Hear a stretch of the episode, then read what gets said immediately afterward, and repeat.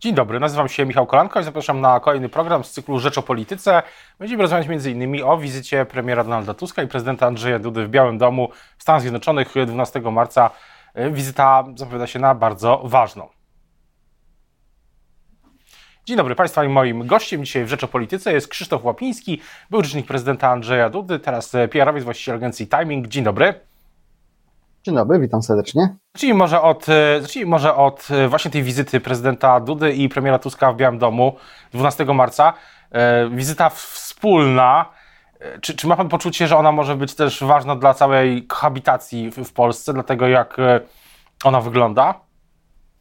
Na pewno wizyta też symboliczna, bo związana z rocznicą przystąpienia Polski do NATO i chyba to przyświecało właśnie prezydentowi Bidenowi ta rocznica, że zaprosił i pana prezydenta, i pana premiera. No proszę zauważyć, że ta koabitacja, jeśli chodzi o sprawy zagraniczne, ona w zasadzie jest dość dobra. Jeśli są jakieś tarcia, jeśli są jakieś oczywiście różnice zdań, no to one dotyczą bardziej spraw takich wewnętrznych,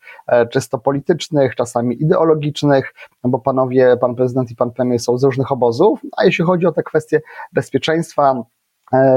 te kwestie współpracy międzynarodowej, no to raczej w ostatnich tych kilku miesiącach ta współpraca nie, nie była jakaś trudna, czy tutaj nie, nie było jakichś takich za bardzo rzeczy konfliktowych, więc ja przewiduję, że w tych właśnie kwestiach, gdzie będzie, które będą dotyczyć spraw międzynarodowych, spraw bezpieczeństwa, naszego udziału w NATO,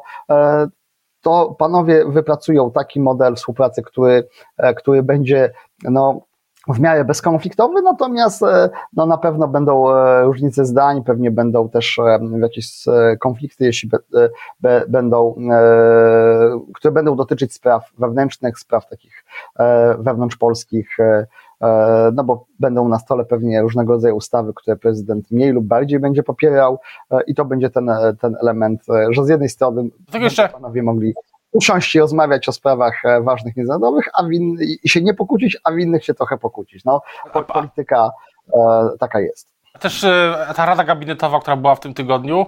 uważa pan, że ktoś na niej politycznie zyskał, że prezydent jakieś cele swoje osiągnął? My często do takich właśnie wydarzeń przywiązujemy ogromną wagę, a one pewnie opinia publiczna po kilku, kilkunastu dniach najwyżej o nich zapomina. Jest tyle wydarzeń, codziennie coś się nowego dzieje, ludzie też żyją, nie, niekoniecznie żyją ciągle tylko polityką, ale także swoimi przyziemnymi problemami, swoimi troskami dnia codziennego i to jest dla nich ważniejsze, a niekoniecznie taka czy inna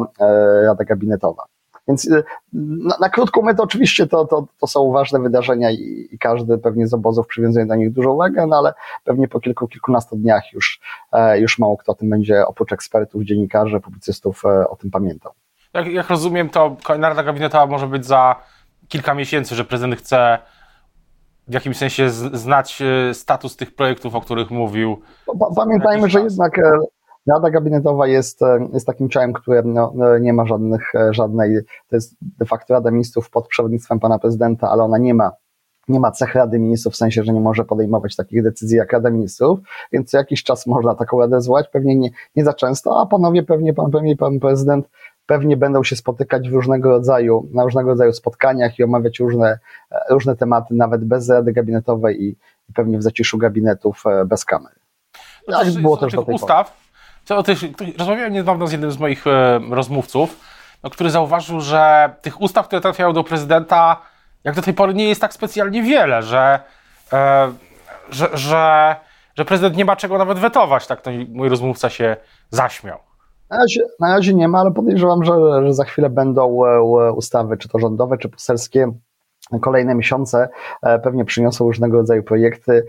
E, czy to wynikające z konieczności spełnienia takich czy innych obietnic wyborczych, e, czy będą projekty, które, które gdzieś tam wymyślą e, kluby poselskie i posłowie, więc pewnie ta maszyna legislacyjna troszkę będzie się rozpędzać, no bo te pierwsze tygodnie to wiadomo, że, że,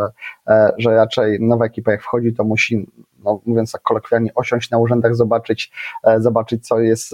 najpilniejszego do zrobienia, a później realizować swoje, swoje zapowiedzi. Więc ja spodziewam się, że gdzieś pewnie po wyborach samorządowych, e, e, no bo też za chwilę będą wybory i politycy będą tym zajęci, ale, ale w drugiej połowie roku no już ta machina legislacyjna się trochę rozpędzi i pewnie też będą z tym związane różnego rodzaju, różnego rodzaju decyzje prezydenta, czasami pewnie akceptację niektórych ustaw, a być może w innych, w innych tam gdzie nie będzie zgody, to będzie tak zwane weto prezydenckie. No myślę, że ta ustawa, która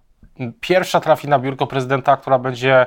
najbardziej, mm, która jest najbardziej związana ze sprawami światopoglądowymi, to jest ustawa o pigułce dzień po. Tak się, tak patrzę na ten kalendarz e, polityczny, że ta ustawa może, może najwcześniej trafić na biurko prezydenta i być e, kontrowersyjna. I pewnie mo może budzić kontrowersje w obozie prezydenckim czy u prezydenta i, e, i, i, zobaczymy, jaki będzie finalny, finalnie decyzja pana prezydenta, no bo zdaje się, że zapowiedzi rządu są takie, że e, no, no ta ustawa już jest tak procedowana, czy, czy trafiła do Sejmu, więc należy się spodziewać, że pewnie e, na przestrzeni kilku najbliższych tygodni ona z parlamentu wyjdzie w takim czy innym kształcie i prezydent będzie musiał podjąć decyzję i to faktycznie no ona gdzieś tam zahacza też to jest ustawa no, z, z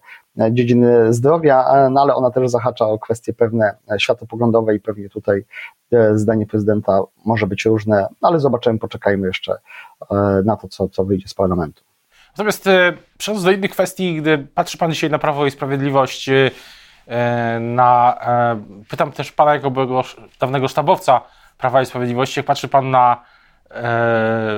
na kampanię samorządową, na te posunięcia Prawa i Sprawiedliwości, e, na to, jak, ta, jak partia teraz w ogóle działa, e, partia Kaczyńskiego, to ma pan poczucie, że ona właśnie działa, czy jest, czy jest na, jakimś, na jakiejś granicy roz, rozpadu? To to będzie trudny, trudna kampania, czy trudny czas dla Prawa i Sprawiedliwości, no bo z jednej strony tak Prawa i Sprawiedliwość jeszcze do końca nie otrząsnęło się po porażce wyborczej, no bo to zawsze jest, wymaga trochę czasu i zawsze po ośmiu latach rządu, kiedy się przegrywa, zwłaszcza w sytuacji, kiedy, kiedy e, politycy Prawa i Sprawiedliwości liczyli na kolejną wygraną i kolejne rządy, no to takie zaskoczenie i szok jest duży, no a z drugiej strony, no przed Prawem i Sprawiedliwością najtrudniejsze, czy, czy trudne wybory, no bo wybory do samorządu, które są oceniane e, przez pryzmat e, wyników do sejmików i w dużych miastach. No bo wybieramy, wybieramy radnych różnych szczebli gminnych, także powiatowych, no ale zazwyczaj dziennikarze, publicyści, socjologowie, politologowie rozliczają partie, miarą sukcesu partii w takich wyborach to jest to, ile w ilu sejmikach będzie rządzić, czy ilu prezydentów największych miast ma. A dla Prawa i Sprawiedliwości e, miasta, e, walka w dużych miastach o prezydenturę, no to jest e, troszeczkę mission impossible, bo nawet jak, jak w kilku miejscach pewnie Prawa i Sprawiedliwość wystawi mocnych kandydatów, którzy będą prowadzili taką intensywną kampanię, no to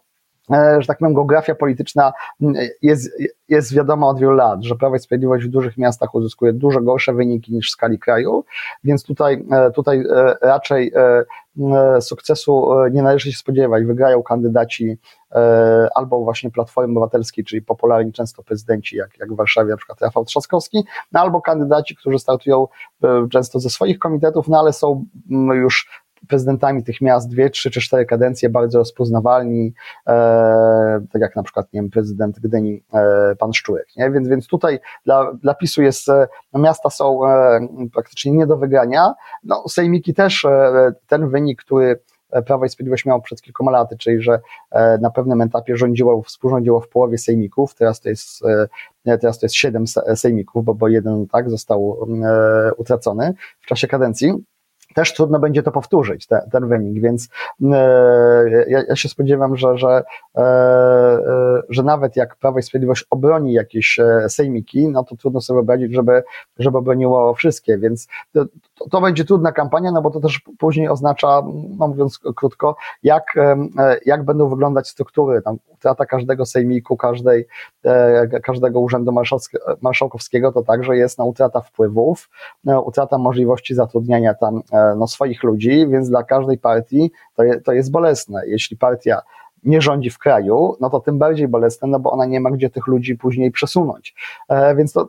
to, to jest trudny czas, e, bo za, po kampanii samorządowej znowu kampania europarlamentarna, gdzie trudno sobie wyobrazić, żeby PiS zdobyło wynik taki jak w 2019 ponad 40%. No i to na pewno te, te wyniki e, na pewno będą gorsze niż 5 lat temu. Wróćmy jeszcze na chwilę. Także to, to, to nie będzie łatwy czas dla. Wróćmy na chwilę do tych miast, bo trend, którego nie, było, nie był tak wyraźnie widoczny w 2018 roku jak teraz, opis też było wtedy innej sytuacji oczywiście, wtedy było partią rządzącą, jest taki, że na przykład Łukasz Schreiber, e, były szef Komitetu Stałego Rady Ministrów, e, poseł na Sejm, startuje z własnego komitetu, ale też z Konfederacją. Jako na, na prezydenta Bydgoszczy to jest hasło e, komitet pod szyldem Bydgoska Prawica. I z tego, co ja słyszę, to w innych miastach, niektórych przynajmniej też tak do takich sytuacji e, może dojść. Mogą być nawet lokalne sojusze z takimi, no właśnie, albo z Konfederacją, albo z Konfederacją, niektórymi organizacjami. E, no, ewidentnie tutaj musi być. Coś nowego się tu dzieje. Tak, ale to musi być też przyzwolenie e, Nowogrodzkiej czy centrali partii e, i kierownictwa partii z prezesem na czele, żeby kandydaci, którzy są posłami PiSu, politykami, startowali pod własnymi szyldami komitetów, e, komitetów a nie pod szyldem partyjnym. No pewnie z taką nadzieją, że że być może zwiększy to szanse po pierwsze na, na poparcie w elektoracie, a także być może z taką też konstatacją, że no to wtedy daje możliwość, że także inne E, mniejsze ugrupowania prawicowe poprą takich kandydatów. Tylko, że tak jak mówię, no, na, nawet jak tak, te ruchy są zrozumiałe i, i, i przysporzą e, być może trochę wyborców, no to ja, e, tak jak mówię, jeśli chodzi o wielkie miasta, jest to też pokazują badania, na przykład ogólnopolskiej grupy badawczej Łukasza Pawłowskiego, które pokazują, że że tutaj w miastach e, powyżej 100 tysięcy, a już nie mówiąc w miastach o powyżej 200 tysięcy, no praktycznie kandydaci Prawa i Sprawiedliwości nie, no, mają małe szanse. Często sukcesem będzie wejście do drugiej tury, no ale trudno sobie wyobrazić, żeby, żeby e, w tych wyborach zdobyli 50% e, plus, plus jeden głos. To często będzie walka o to, żeby ten kandydat ciągnął tak zwane listy do Rady Miast, żeby mieć więcej radnych w Radzie Miasta, no żeby też może wyrobić sobie jeszcze nazwisko kolejne wybory zapasem, więc taka kampania też e, e, buduje rozpoznawalność kandydata, a być może wystartuje w kolejnych. E, to, to, to też należy tak przez ten pryzmat patrzeć, nie tylko, że startuje, żeby wygrać, ale także startuje, żeby powalczyć o dobry wynik dla listy kandydatów do Rady Miasta. Jeszcze jeden wątek, a przekonuje Pana kandydatura Tobiasza Bochańskiego w Warszawie, bo kampania w Warszawie jest E, zwykle najbardziej przyciąga uwagę mediów, jest najważniejsza e, z różnych powodów. Dla PiSu też przecież, bo to w Warszawie świętej pamięci Lech Kaczyński został e, prezydentem, tak? Więc tylko, że to było ponad 20 lat temu. Tak, ale jednak wie pan, jak to jest pamięć instytucjonalna. Jest, jest taka pamięć instytucjonalna w, w partii, w partiach, że, że takie rzeczy się pamięta. Ale już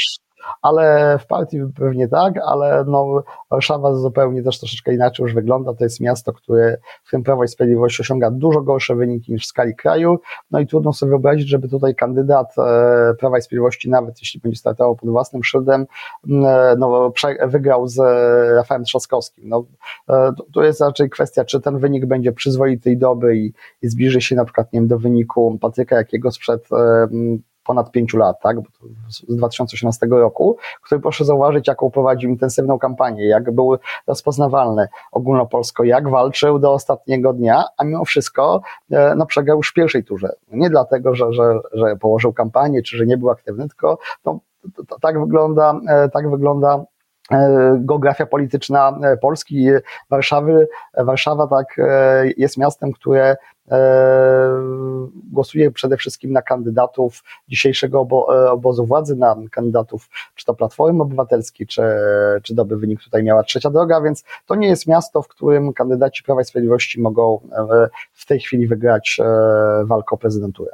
No to ja słyszałem z... A to, ale oczywiście kwestia dobrego wyniku, e, kwestia wyniku, no też będzie znaczyła dla, coś dla e, takiej politycznej kariery osobiście pana Tobiasza Bocheńskiego, bo jakiś dobry wynik, e, przegrany, ale dobry wynik e, po dobrej e, kampanii też pewnie e, otworzy mu drogę do dalszej kariery w Prawie Sprawiedliwości. No jeśli ten wynik będzie poniżej jakichś tam oczekiwań, które, które są pewnie w kierownictwie Prawa i Sprawiedliwości, no to to różnie wtedy może być. No to też dla niego jest ważna, ważna walka o, o wbicie się, że tak powiem, w